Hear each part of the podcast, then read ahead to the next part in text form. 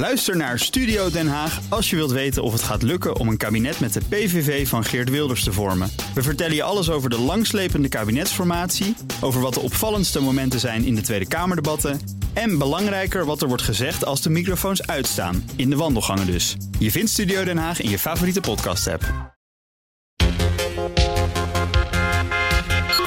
Er is geen plan van wat, wat, wat dan zometeen als Iran teruggaat naar een nucleaire deal en Amerika ook. Wat gaat Amerika nou doen zodat Iran qua regio... Misschien wil Amerika helemaal niks doen. Omdat de grootste eh, importeur van eh, aardolie, Amerika... is nu de grootste producent van aardolie. En Midden-Oosten heeft helemaal geen, geen aandacht.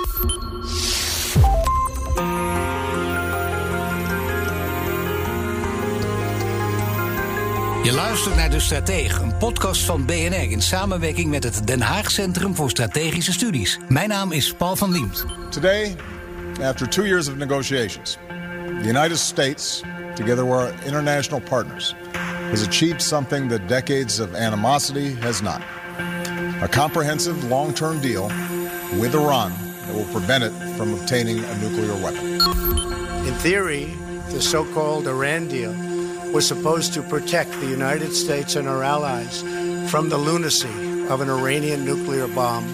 In fact, the deal allowed Iran to continue enriching uranium and, over time, reach the brink of a nuclear breakout. Tehran is signaling that it is willing to work with the new administration. Here is Iranian President Hassan Rouhani. Today, the ball is in the court of the United States, and Washington has to return and fulfill its obligations.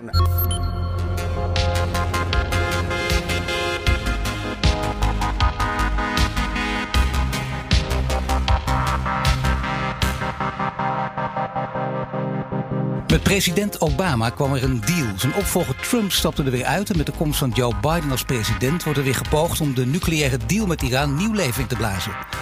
Ondertussen heeft Iran zijn invloed op het Midden-Oosten flink weten te vergroten. Tot grote schrik van aardsvijand Israël.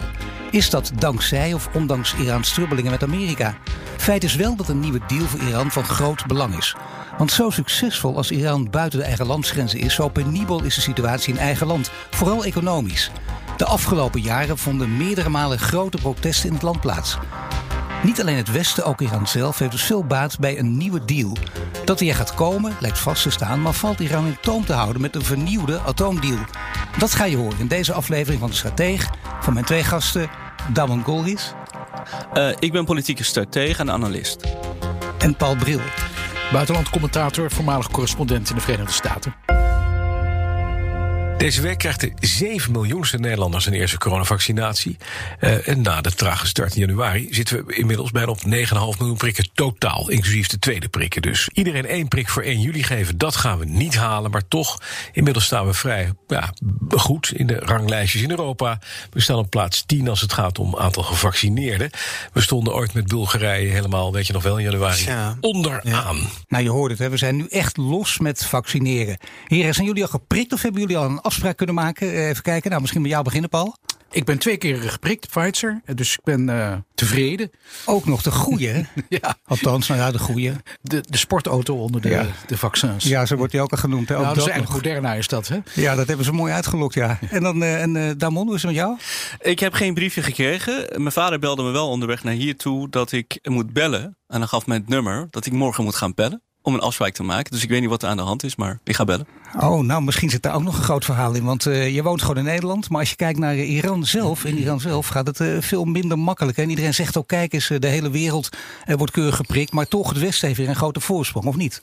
Ja, nog erger dan dat is dat het uh, hoogste leider van het land heeft een fatwa uitgesproken tegen een westerse vaccins. Dat is eigenlijk best wel, best wel heel gek. Een fatwa zelfs, ja, dat ja, waar. Ja, die heeft gezegd, we willen geen westerse uh, vaccins. Die geloven natuurlijk wel in en zo. En, uh, dus het gaat niet zo heel goed daar. En, maar goed, Nederland heeft wel een, um, een, een grote aantallen aan AstraZeneca naar Iran gestuurd, heb ik gehoord, via via. Ja, Paul, wat zegt dit allemaal als je dit hoort? Een fatwa op westerse vaccins. Dat schiet niet op. Het zegt misschien iets over de aard van het regime. Eh, Het verbaast misschien ook weer niet helemaal. Ik denk dat er overigens de, de, de- die hele situatie in het Midden-Oosten natuurlijk gewoon op, op het gebied van eh, de vaccinatie slecht is. Ik weet het beter van Syrië, dankzij een goede Syrische vriend. Nou ja, in Syrië is zogenaamd, eh, daar is geen corona. Hè? Alleen iedereen heeft het. Hè? Dat, dat weten ze. Ja. Ja, nee, dat zegt ook weer genoeg. Eh, we gaan zo meteen praten over het grote onderwerp waarvoor jullie hier zitten. Namelijk over Iran. En we beginnen met een, denk ik wel, bekende uitspraak. Destijds gedaan door Donald Trump. In theory, the so called Iran deal was supposed to protect the United States and our allies from the lunacy of an Iranian nuclear bomb. In fact, the deal allowed Iran to continue enriching uranium and over time reach the brink of a nuclear breakout. Ja, met onder meer deze uitspraak zegt de toenmalige president Trump de Iran-deal drie jaar geleden op. Had Trump hierin gelijk of juist niet, Damon? Ik denk dat hij eh, gelijk had. Ik denk dat, en dat komt doordat ik, eh, hoe ik natuurlijk de het Iraanse regime benader. En eh, wat de beste manier is om, het, eh, om hen eigenlijk in toom te houden. Dat is dus onder druk, enorme druk. Zorgen ervoor dat zij ehm, een calculatie maken over hun bestaansrecht. En dan komen ze aan tafel en dan zullen ze wel dingen toegeven. Een poging om met onderhandelingen en dialoog eh, gedrag van het regime te veranderen tot een normale dictatuur. Als we dat even op deze manier zouden eh, formuleren. Want dat is de best, de best mogelijke optie, een normale dictatuur. ja, dat is beter dan een ideologische dictatuur die dus. eh, Ja. eh, dat, dat, is, dat heeft laten zien op verschillende manieren dat dat niet werkt. Dus veel meer druk. En we zien ook dat de afgelopen half jaar Biden, ondanks zijn beloftes, nog steeds die sancties wel inhoudt. Ja, wat vind jij ervan, Paul? Nou, ik was niet enthousiast over, eh, over de deal van 2015. Maar ik vind toch wel dat het eh, beter was dan niets. En ik vind ook eerlijk gezegd dat de, de politieke lijn van Trump eigenlijk geen effect heeft gehad. Tegelijkertijd, hè, hij heeft de, de ene kant heeft hij het, eh, de deal opgezegd. En tegelijkertijd heeft hij eh, zich teruggetrokken uit Syrië, waarmee Iran dus in Syrië vrij spel heeft gekregen. Nou ja, vrij spel is overdreven, maar ze hebben veel meer ruimte gekregen. Eh, als, je, als, je, als je geopolitiek naar de regio kijkt, dan is Iran sterker geworden in de, in de periode van Trump in plaats van zwakker. Dus zijn, zijn politiek heeft geen effect gesorteerd, vind ik zelf. Dus de deal ik vind, die- ik vind, deal het, zoals tere- die, ik vind het terecht dat er nu wordt gekeken of, of het toch niet mogelijk is om een, een, de deal enigszins te herstellen. Hopelijk iets beter. Ik ben er niet erg optimistisch over, maar goed, daar zullen we het later over hebben. Maar de deal zoals die er lag, hè, die vond je dus, die zette wel degelijk een rem op het Iraanse atoomprogramma. Ja, dat deed het. En, eh, en, en, en was beter dan niets. Op dat moment wa- was er gewoon, als er niets was gebeurd, was het Iraanse atoomprogramma geheel doorgegaan. Nu was het in ieder geval aan beperkingen onderhevig. De inspectie erop was niet ideaal. Er, zaten, er zaten tekortkomingen in. Eh, er- er werd niets gezegd over andere eh, aspecten van de Iraanse bewapening. en van de Iraanse agressieve politiek in het Midden-Oosten. Dat was de zwakte van het akkoord. Maar ik vond toch dat het feit dat er een rem werd gelegd op, eh, op het atoomprogramma, dat dat de moeite waard was. Ja, werd er een rem op gezet, Damon? Nee, niet echt. Het werd eh, een. Nou, wat eh, gek, want Paul die zegt juist van wel. Ja, nou, ik, ik denk niet echt. Ja, het is natuurlijk heel moeilijk om daar heel duidelijk ja of nee antwoord op te geven. Het is altijd een beetje in een grijs gebied. Maar als je kijkt naar eh, hoe het Iraanse nucleair programma is gebouwd, dan is dat kwalitatief geen rem opgezet. Het is alleen maar eh, verlengd met een zonder zonsondergang eh, clausule. Dat wil zeggen dat eh, men heeft gezegd: oké, laten we voor nu een, een soort afspraak maken. En later, langzamerhand, dan zal eh, Iran juist wel kunnen doen wat ze willen doen. En dat is nu in de afgelopen paar maanden is dat wel ehm, eh, tevoorschijn gekomen met eh, verrijking boven de 60% Hoewel dat is meer een window dressing-achtige houding. Hè. Het is niet echt strategisch gezien.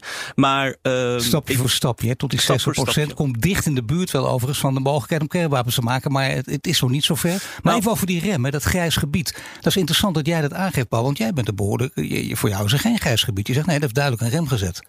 Ja, het lijkt me wel dat de, het akkoord was duidelijk. Het aantal, eh, eh, de hoeveelheid verrijkt uranium werd aan een zeer uh, duidelijke grenzen gesteld. Uh, het aantal centrifuges dat nodig is voor, uh, nou ja, voor het produ produceren van nucleair materiaal werd aan banden gelegd. En nou ja, hoewel, er, hoewel er natuurlijk ontsnappingsmogelijkheden waren, omdat het inspectieregime niet ideaal was, verre van dat, was, was, het, was, het, toch, was het toch in ieder geval, werd, het, werd de, de, de kans op een Iraans atoomwapen werd in ieder geval vooruitgeschoven.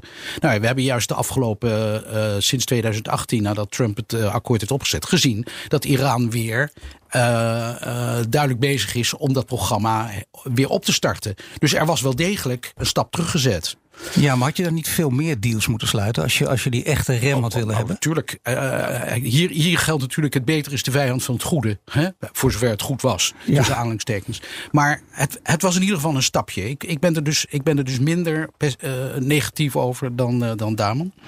Maar ik, ik zie ook de beperkingen. En ik zie ook dat het regime natuurlijk nog steeds wezenlijk niet te vertrouwen is. Maar ja, hoe pak je dat aan? Uh, uh, eigenlijk is de enige andere optie is oorlog.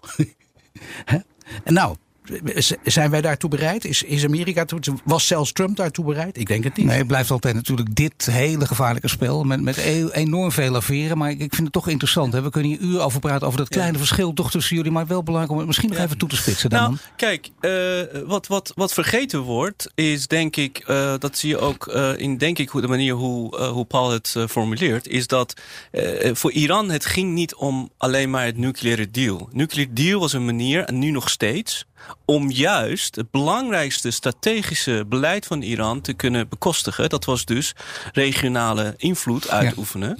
En dat is uh, te danken aan die deal is dus ontzettend veel geld naar Iran gegaan. Doordat men uh, olie kon verkopen. En daarmee zijn dus uh, in, vanaf 2015 vooral vanaf dat moment, uh, onder mom van strijd tegen ISIS, heeft Iran zijn invloed kunnen uitoefenen in Syrië, in Jemen, in uh, Irak, maar ook in andere delen. Dus het nucleaire overeenkomst was, uh, ja, wat, wat, wat Paul zegt, voor even kun je zeggen, nou ja, 98% van het verrijkte uranium is uit het land. Aantal centrifuges is minder geworden. Maar dat was wel, uh, heeft wel ervoor gezorgd dat de regionale invloed van Iran is veel en veel breder en sterker geworden. En dat is strategisch niveau, is Iran nu waar het nu is. En wat, uh, wat, wat een paar jaar geleden is gebeurd, twee jaar geleden, uh, is dus, of vorig jaar was dat, januari 2020, is door de, uh, ja, door, door de dood en het, het doden van Qasem Soleimani, de tweede man, strategische man van Iran in Irak, uh, is een belangrijke uh, verzwakking ontstaan in de regionale invloed van het land. Dus je kan nu zeggen dat tot januari 2021 dat Iran qua um, regionale invloed uh, zwakker is geworden dan daarvoor. Uh, want Qasem Soleimani was toch een hele belangrijke charismatische man. Die dus ontzettend veel netwerken van de Shiïtische strijders kon, uh, ja. An, ja. kon, kon, kon managen. En daarmee, uh, als hij er nu niet is. het is nog een tribale manier van omgaan hè? De, de, de, in dit soort landen, in dit soort organisaties. Het gaat om de man zelf. Als hij er niet zou zijn, dan komt er verzwakking. En het was ook een belangrijke boodschap richting de leiders in Iran... dat Amerika bereid is om de politieke wil te hebben... om mensen om te leggen als het nodig is. En, en die twee samen hebben de juist ja. de regionale ambities van Iran verzwakt. Het nucleaire deal heeft juist ervoor gezorgd dat dat bekostigd werd. Over die grote grip uiteindelijk hè, van Iran op het Midden-Oosten... daar gaan we het zo meteen echt verder over hebben. Maar eerst toch nog even de huidige staat van het Iraanse atoomprogramma. Het gaat al over, Damon, zoals jij zegt, stapje voor stapje komt er meer uranium tot 60%. Maar weten we eigenlijk, Paul, wat de huidige staat is van, van het atoomprogramma? Of blijft dat ook een nevelige hult? Nou ja, ik weet het zeker niet. Uh, Damon weet dat vermoedelijk iets beter. Ik denk dat wij natuurlijk slecht zicht hebben op hoe ver ze nou precies zijn. Maar goed, als, we, als we op dit punt hun, hun eigen mededelingen serieus nemen. Hè, ze, hebben, ze hebben gewoon het programma weer herstart en tot een bepaald niveau weer in, in zijn oude staat hersteld. Dus ik denk dat het een serieuze, een serieuze uh, zaak is. Ja, Damon, weet je er echt iets meer van? Of uh, blijft het ook voor jou volledig in nevelen gehuld? Nou, één belangrijk punt is dat de, er zijn vijf um, acties gevoerd, waarschijnlijk door Israël op het Iraanse nucleair programma. Laatste was in februari. Uh, volgens rapporten die zijn nu gepubliceerd lijkt dat de productie van uranium is tot de helft afgenomen. Dat is heel belangrijk. Um, um, aan de andere kant, antwoord op je vraag. Iran heeft de know-how, de manier en de kennis om tot een atoombom te komen. Dat blijkt ook uit de stukken die zijn gestolen uit Iran. Uh, uh, en die zijn inmiddels bevestigd dat ze gestolen zijn. Ja, ze zeggen steeds dat ze geen ambitie hebben, maar dat zegt totaal niet. Ja, dat die ambitie is er. Uh, de know-how is er ook. Nee, maar ze zeggen steeds dat ze de ambitie niet hebben. Maar dat voor de duidelijkheid nog maar even, maar dat zegt totaal niet. Nee, Precies. Uh, ze zeggen dat, het, dat ze dat niet hebben. Ze zeggen dat er ook een fatwa op uitgesproken is. Het maken van een nucleaire uh, deal. Er worden nogal wat fatwa's uitgesproken. Ja, dat is, ja. dat is een islamisch. ja, elke dag eentje. Het wordt een fatwa ook over het uh, wel of niet mogen fietsen van vrouwen in het land. Is een fatwa uitgesproken. maar ja, die fatwa's, die, ja, dat, wat, wat betekent dat op strategisch niveau? Dus Iran heeft de know-how, heeft de kennis en heeft de materialen om een atoombom te maken. Maar nog geen politieke wil. En ik denk dat dat ook niet gaat komen. Op het moment dat je iets hebt en je kan het maken, waarom zou je het doen? Ik bedoel, Nederland kan ook een atoombom maken. Als het wil, maar doet het natuurlijk niet. Dus wat doe je dan? Dan gebruik je dat als een middel om juist de regionale ambities te kunnen bekostigen. Goed, nou laten we kijken nu wat de grip van Iran is op het Midden-Oosten. Met name hoe die het best zichtbaar wordt, eh, Paul. Want dat die grip toegenomen is, dat zien we onder meer in Syrië. Maar wat is, uh, hoe is het beste zichtbaar dat Iran steeds meer grip krijgt op het Midden-Oosten? Nou ja, het, het meest uh, aperte en het ook het meest bedreigende is natuurlijk Hezbollah in Libanon. Daar, daar, daar, ja. daar staan 30, 40.000 raketten. Die worden ja. overwegend door Iran geleverd. Ja. dat, dat is het meest uh, pregnante uh, bewijs van Irans betekenis in het Midden-Oosten. En wat, speelt er, wat is de rol van de deal eigenlijk in, in, in de grip van Iran?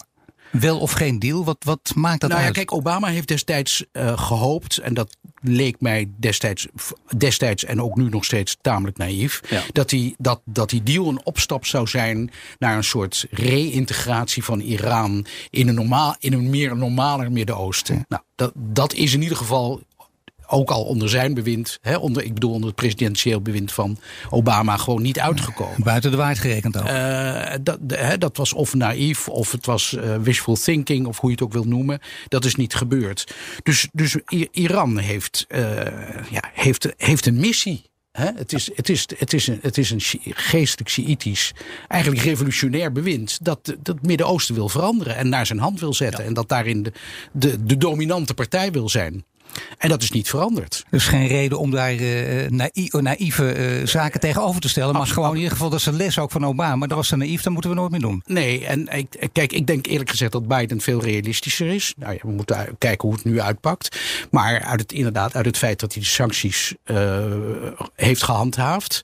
En uit het feit dat hij ook nu niet hals over kop in een nieuwe deal stapt. Want dat, hè, de onderhandelingen verlopen heel moeizaam. Ja. Dan blijkt dat, dat er natuurlijk gewoon wel duidelijk dat hij wel duidelijk zich bewust is van het feit dat uh, Iran, dat het Iraanse gevaar niet alleen dat atoomwapen is, maar ook de, de politieke wil die de leiders in Teheran hebben om de ja. regio naar hun hand te zetten. Overigens, uh, tijdens de onderhandelingen wel interessant natuurlijk, hè, de rol van Amerika, de positie vooral eigenlijk uh, toch een beetje aan de buitenkant, bijna adviserend en naar kijken. Niet direct aan tafel meedoen. Nee, wat zegt dat? Of maar wel een, natuurlijk wel toch een cruciale partij. Nee, ja, uiteraard. Ze zitten uiteraard. dan wel in een hotel apart. Wat heel curieus is. Hè? Ja, daarom. Dus de Europeanen lopen, ja. lopen van het ene hotel naar het andere met de, met de, met de voorstellen. Krankzinnige situatie. Ja. Maar nee, het, het draait natuurlijk om Amerika. Ja. Uh, ik, ja, als Amerika nee zegt, is er geen deal. Ja. Zeker. Nee, klopt. Want uh, Europa heeft in de drie jaar dat uh, Trump uit de deal was gestapt, heeft eigenlijk niet zoveel gedaan dan dat volgen wat Amerika uh, wilde. Nee, we hebben trouwens dus wel gezien in die tijd, want daar praten we nu over, de toenemende macht van Iran. Wat heeft het gedaan met het zelfbewustzijn of, of negatieve met het ego van het land? Uh, nou, het land heeft intern uh, hele grote problemen. En, en, en hele grote problemen is dus dat wat wij in het Westen nog steeds vasthouden, dat vinden Iraniërs niet meer de waarheid. Met, wat, waar ik mee bedoel is dus dat je te maken hebt met twee groepen. er is een groep, dat zijn gematigden. Er is een groep, dat zijn radicalen. En wat moet je ervoor zorgen als Westen, maar ook als Iraniërs, dat gematigden aan de macht komen, bijvoorbeeld met de verkiezingen, en zorgen ervoor dat zij een deal sluiten, in dit geval uh, vorige regering die in Iran is. Iraniërs geloven daar steeds, steeds minder. Dat is het narratief in. altijd. Hè, dat is het narratief, ja. dat, dat uh, je te maken hebt met eigenlijk een soort dualisme in Iran. Uh, en, en nog steeds in het Westen zie ik het in de, in de kranten dat dat nog steeds aan vast wordt gehouden, omdat het ook maar het makkelijker maakt om het land te begrijpen. Ik denk dat Iran richting een situatie gaat waarin een grote kloof staat, ontstaat tussen de bevolking en, en de regering. Dat was een paar jaar geleden niet het geval. Dus dat is één punt. Het tweede punt is dat uh, ik denk dat het naïviteit waar uh, Paul het over had, uh, ben ik het met hem eens. Ik vraag me alleen af of Biden dat niet heeft. Want als je kijkt naar hoe zij nu naar de onderhandelingen kijken, is dus als we ervoor zorgen dat wij teruggaan naar nucleaire overeenkomst van 2015, en dat betekent dat Iran zijn olie kan verkopen enzovoort, dan zullen we nog die onderhandelingen verder voortzetten totdat we een betere en sterke deal krijgen. Als ik het vanuit Iran zou bekijken, dan zou ik zeggen, waarom zou Iran dat willen? Als Iran zo meteen voldoende olie verkoopt, zeg maar anderhalf tot twee miljoen vaten per dag, en transacties kan doen, uh, minimaal, hè, minimaal, niet, niet, dat is toch voldoende voor het land? Waarom zou Iran dan om tafel gaan zitten om te praten over zijn raketten, over zijn... Um... Nee, Damon, dat zijn hele goede vragen. Die, uh, je, kijkt mij aan, maar die gaan we aan, Paul, de andere Paul. Paul Bril eventjes, uh, die ja. mag ze beantwoorden. Nou ja, kijk, dat is natuurlijk absoluut waar. Uh, ja. ik bedoel, wat, is eigenlijk, wat zou het motief voor Iran kunnen zijn... om te gaan onderhandelen ja. over hun lange afstandsraketten... over hun interventie in de regio. dat is absoluut waar. Als ik even naar de andere kant kijk, ja. uh, waar gaat het de regering Biden om? Mij lijkt duidelijk dat het Midden-Oosten geen prioriteit is voor, voor de regering Klopt. Biden. En dat zou een reden kunnen zijn waardoor ze denken van nou laten we, laten we nou maar proberen met een uh, beperkte en, en onvol, onvolkomen deal even die boel ja. daar rustig te houden. Het gaat de regering Biden om de confrontatie met China en Rusland. Ja. Dat, dat is dat, dat, is, dat staat bovenaan. En dat weet Iran ook en heeft daarom, ik zeg het even heel makkelijk, uh, in ieder geval wat meer vrij spel. Ja, ze hebben natuurlijk geen vrij spel, omdat uh, als je kijkt naar de interne politieke situatie in de Verenigde Staten, tegenstanders van, van een nieuwe deal zijn vrij in, belangrijk en invloedrijk. Hè? En, en, en, en worden gesteund vanuit Israël. Zo simpel is het. Uh, dus uh, je hebt, je hebt uh, een brief gehad van iets van 43, 44 senatoren. Van, voornamelijk republikeinen, maar ook democraten. Die de regering Biden hebben gewaarschuwd dat er niet zomaar een nieuwe deal moet worden gesloten. Nee. En, en die een aantal eisen hebben gesteld van waaraan Iran moet gaan voldoen. Nou, en waaraan Iran waarschijnlijk niet wil en kan voldoen niet wil voldoen, kan voldoen natuurlijk. Heren, we gaan hier straks uh, verder over praten. Want een nieuwe deal met Iran, hoe dan ook, lijkt een kwestie van tijd. Dat betekent niet dat daarmee alle problemen met het regime zijn opgelost. Hebben ze net al een beetje aangestipt. Integendeel zelfs. Daarover later meer in deze podcast. Eerst wil ik graag een nieuwe podcast bij je onder de aandacht brengen. Dat is het nieuwe geld, gemaakt door Rijn-Jan Prakke. Rijn-Jan die belegde ooit in Ethereum, zijn winst verveelvoudigd om vervolgens in rook op te gaan. Resultaat een fascinatie voor ons geldsysteem. In de podcast gaat hij langs bij economen, stelt vragen die zo voor de hand liggen dat ze misschien wel te weinig gesteld worden. Wat is geld? Om te eindigen met de zoektocht naar de toekomst van ons geld. Het nieuwe geld, luister hem in de BNR-app. Waar Iran in de regio een invloed wint, daar ziet de situatie er in eigen land heel anders uit. The US decision in 2018 to withdraw from the Iran nuclear deal, reimpose sanctions and choke off the last remaining sources of Tehran's oil revenue has crippled the Iranian economy. While the protests were triggered by Iran's worsening economic situation, people are also angry about corruption, poor living standards, and social inequality. And they've begun calling for a radical overhaul of the political system. Ja, de Mondi hoorde het. We kunnen ons de grootschalige protesten in Iran van 2019... die kunnen we ons nog heel goed herinneren. Hoe slecht staat het land er nu voor? Intern uh, staat het, zoals ik al zei, uh, niet zo heel goed voor. Dat is dus dat er een hele grote groep mensen... Moet je je voorstellen, hè, 80 miljoen van Iraniërs uh, is onder de 40. Het, de, de, de, islamitische revolutie is ook iets, iets van 40, 42 jaar. Dus, um, en zij zien, zij zien natuurlijk, zijn geconnect met, met het internet. Ze hebben een ander leven. dat zie je ook aan de manier hoe de kinderen van de Iraanse machthebbers, hoe ze zich positioneren. Ze wonen meestal in het buitenland, ze studeren in het buitenland. Ja. Enzovoort. Dus het land staat uh, op het punt om te veranderen. Die, die, die, uh, die de, de, de, opstand van 2019. Ja, maar is dit toch echt het, ik zou bijna zeggen, het blijmoedige verhaal? Wat we inderdaad naar ja. voren kunnen brengen door ja. nieuwe generaties. Het is even wachten, maar dan komt er ook echt een ander Iran. Misschien zelfs een ander Midden-Oosten tevoorschijn. Ja, dat is voor een deel wel. Het is afhankelijk van hoe we naar Iran kijken. Als we naar Iran kijken zoals heel veel andere landen in het Midden-Oosten dan uh, denk ik dat heel veel mensen ook bang zijn. Omdat ze denken dat het dan leidt tot een volgende Syrië, een soort burgeroorlog enzovoort. Maar als je kijkt naar Iran vanuit, een, vanuit de geschiedenis, dat het een land is van een ander soort uh, vorming, een ander soort bevolking en ook uh, het niveau van het denken, dan is, is denk ik heel erg hoopvol. Het zal binnen nu aan vijf jaar uh, echt dingen zullen veranderen. Iran, we gaan terug naar Perzië. Het geeft aan dat er dus veranderingen mogelijk zijn, ook in de toekomst, dus met een nieuwe generatie. Maar dan moet je wel kijken naar een koersverandering die kan plaatsvinden, met name door de verkiezingen nu. Nou ja, die verkiezingen die worden natuurlijk op allerlei manieren, nou ja, goed, op marketingtechnische wijze naar buiten gebracht. Er worden heel veel aanhalingstekens bijgezet.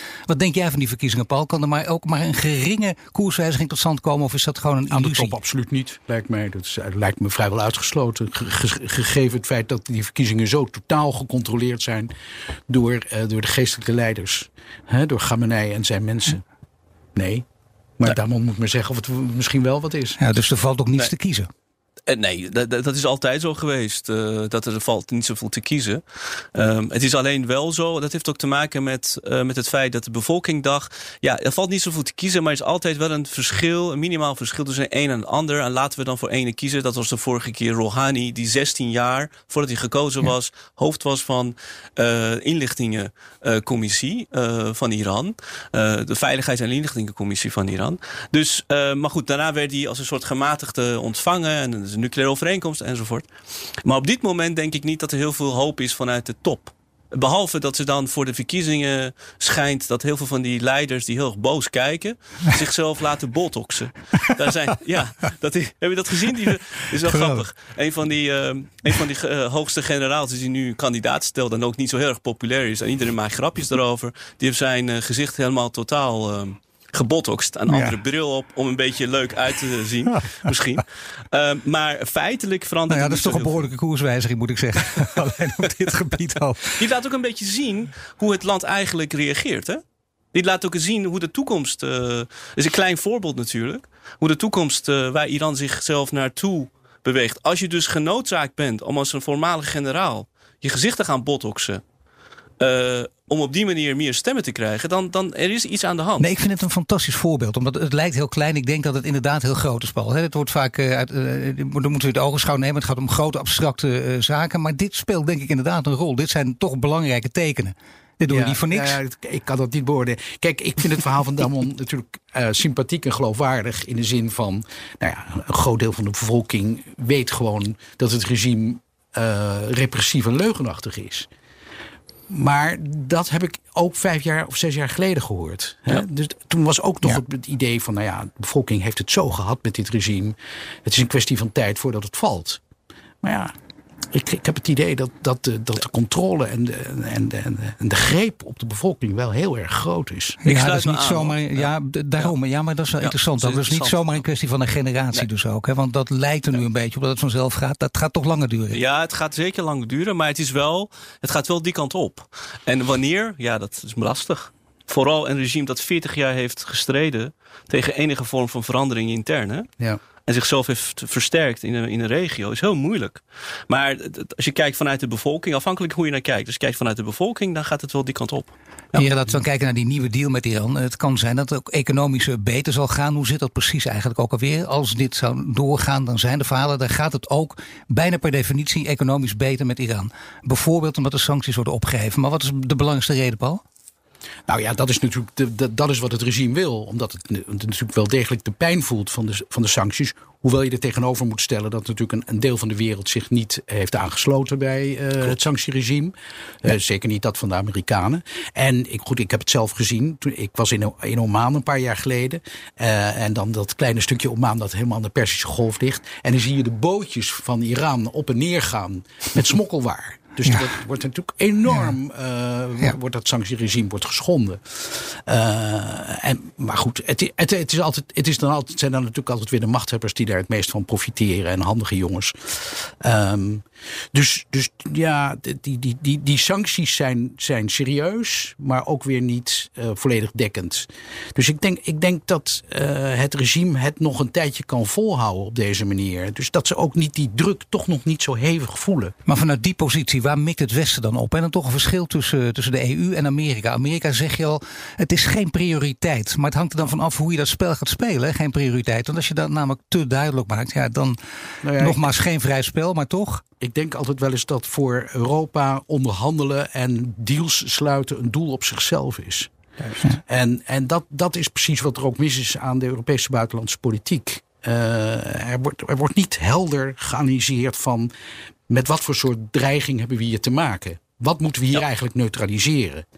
Het, is, het is alsof het proces zijn eigen, zijn eigen dynamiek krijgt. Van we zijn aan het onderhandelen en dan moet er een deal komen. Deal om de deal en dan heb je een mooie krantenkoppen. Ja, Juist. want dat is goed. Dat is diplomatie. Dat is, dat is eh, vrede sluiten tussen aanhalingstekens. Maar dat is natuurlijk geen echte vrede. Ik zag jou helemaal opveren bij deze opmerking van Paul. eh, Nou, Ramon, want dit dat, is- eh, dit is- daar gaat het om, hè? Ja, dit, is echt cruciaal wat Paul nu zegt. En dat is precies waarom. Er wordt nu ook eh, gesproken over een nieuwe deal. Er is helemaal geen nieuw deal. Het gaat, daar gaat het helemaal niet om. Het gaat om een soort, eh, eh, ja, een soort, soort, soort um, MOU, een soort Memorandum of Understanding tussen eh, Iran en de zes grootmachten. Om, zodat Amerika terugkomt naar het deal van 2015 en Iran ook. Daar gaat het om. Daar gaan die gesprekken om. Het is, er is helemaal geen sprake van een nieuw deal. Dus deal voor deal, wat, wat Paul zegt, is helemaal wat ik ook denk. En eigenlijk misschien is dat ook een bepaalde soort nadeel van de democratie. die ieder vier jaar een nieuwe politieke verhalen moeten aan. Deals, Dus wij ja, moeten in, verkoopt. in, in Europa eruit meer richting Iran eigenlijk wat dat betreft.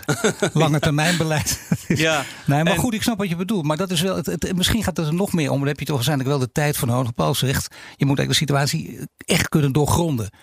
Echt met hoofdletters kunnen doorgronden. En dat gebeurt dus niet. Dus niet meer kijken, wat zijn wij geweldige diplomaten. Hebben het spel weer volgens de regels gespeeld. Want dat is, ja. dat is oude politiek.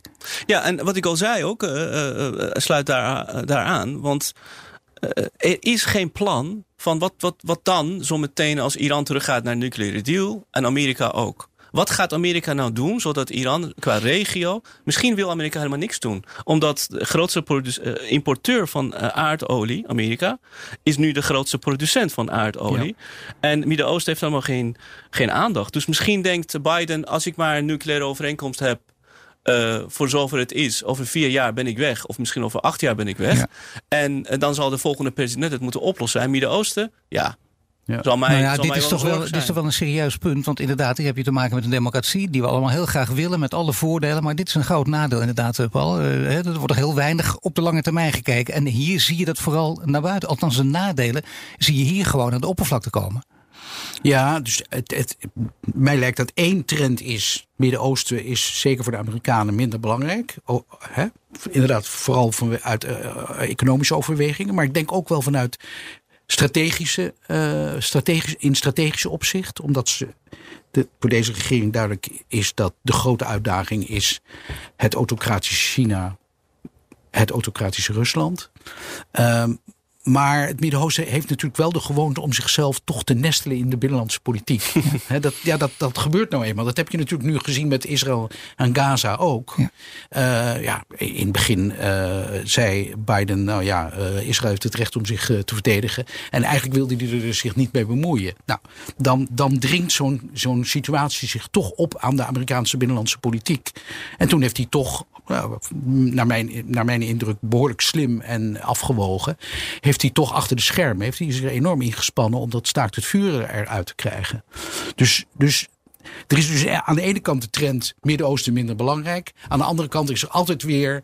eh, treedt het mechanisme op van als er iets groots gebeurt in het Midden-Oosten, dringt zich dat binnen in de Amerikaanse binnenlandse politiek. En ook in de Europese binnenlandse politiek trouwens. Dus in die zin is het Midden-Oosten toch altijd toch ook, altijd wel weer vrij belangrijk. En, en het verkoopt ook goed, hè? Misschien heel kort. Heel simplistisch. Eh denkt Biden misschien, aan de Europeanen ook. Als jullie nou, Iran, geen atoombom maken... wat je in het Midden-Oosten doet, zal mij wel een zorg zijn. Dat verkoopt goed, toch? Ik bedoel, dat verkoopt in Europa, dat verkoopt in, eh, in, in Amerika. En dan hopen zij dat er misschien iets intern zal veranderen. En met dat in het achterhoofd, wat is dan de toekomst van niet het hele Midden-Oosten? Want dat is te complex. Maar de toekomst van Iran. Wat is de toekomst die we zien? En laten, laten denk- we een jaar of vijf vooruit kunnen we kijken. Eh, ik denk dat, eh, eh, dat het een nucleaire overeenkomst wordt opnieuw leven ingeblazen. Dat Iran voldoende geld heeft om intern zijn eigen mensen te kunnen betalen, maar ook uh, uh, meer te kunnen onderdrukken, wat de opstanden enzovoort. En dat de regionale invloed van Iran toeneemt, behalve uh, een, een, een samenwerking tussen Israël en Saudi-Arabië en Arabische landen die Iran misschien in toom zullen houden. Maar ik denk dat Amerika eigenlijk uit het Midden-Oosten gaat binnen nu en tien jaar.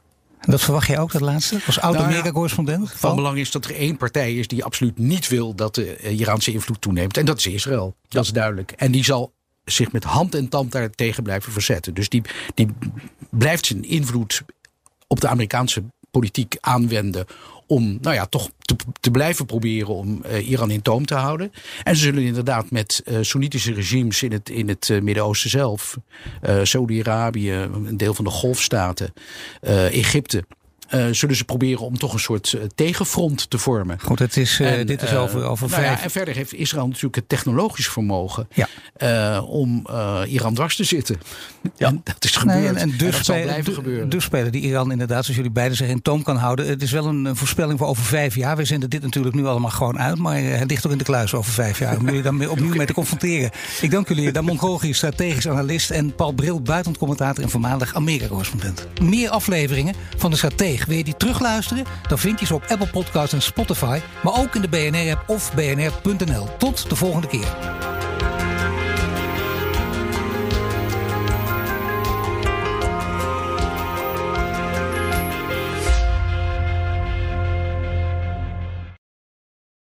Ook Bas van Werven vind je in de BNR-app. Ja, je kunt live naar mij en Iwan luisteren tijdens de ochtendspits. Je krijgt een melding van Breaking News. En niet alleen onze podcast Ochtendnieuws, maar alle BNR-podcasts vind je in de app. Download nu de gratis BNR-app en blijf scherp.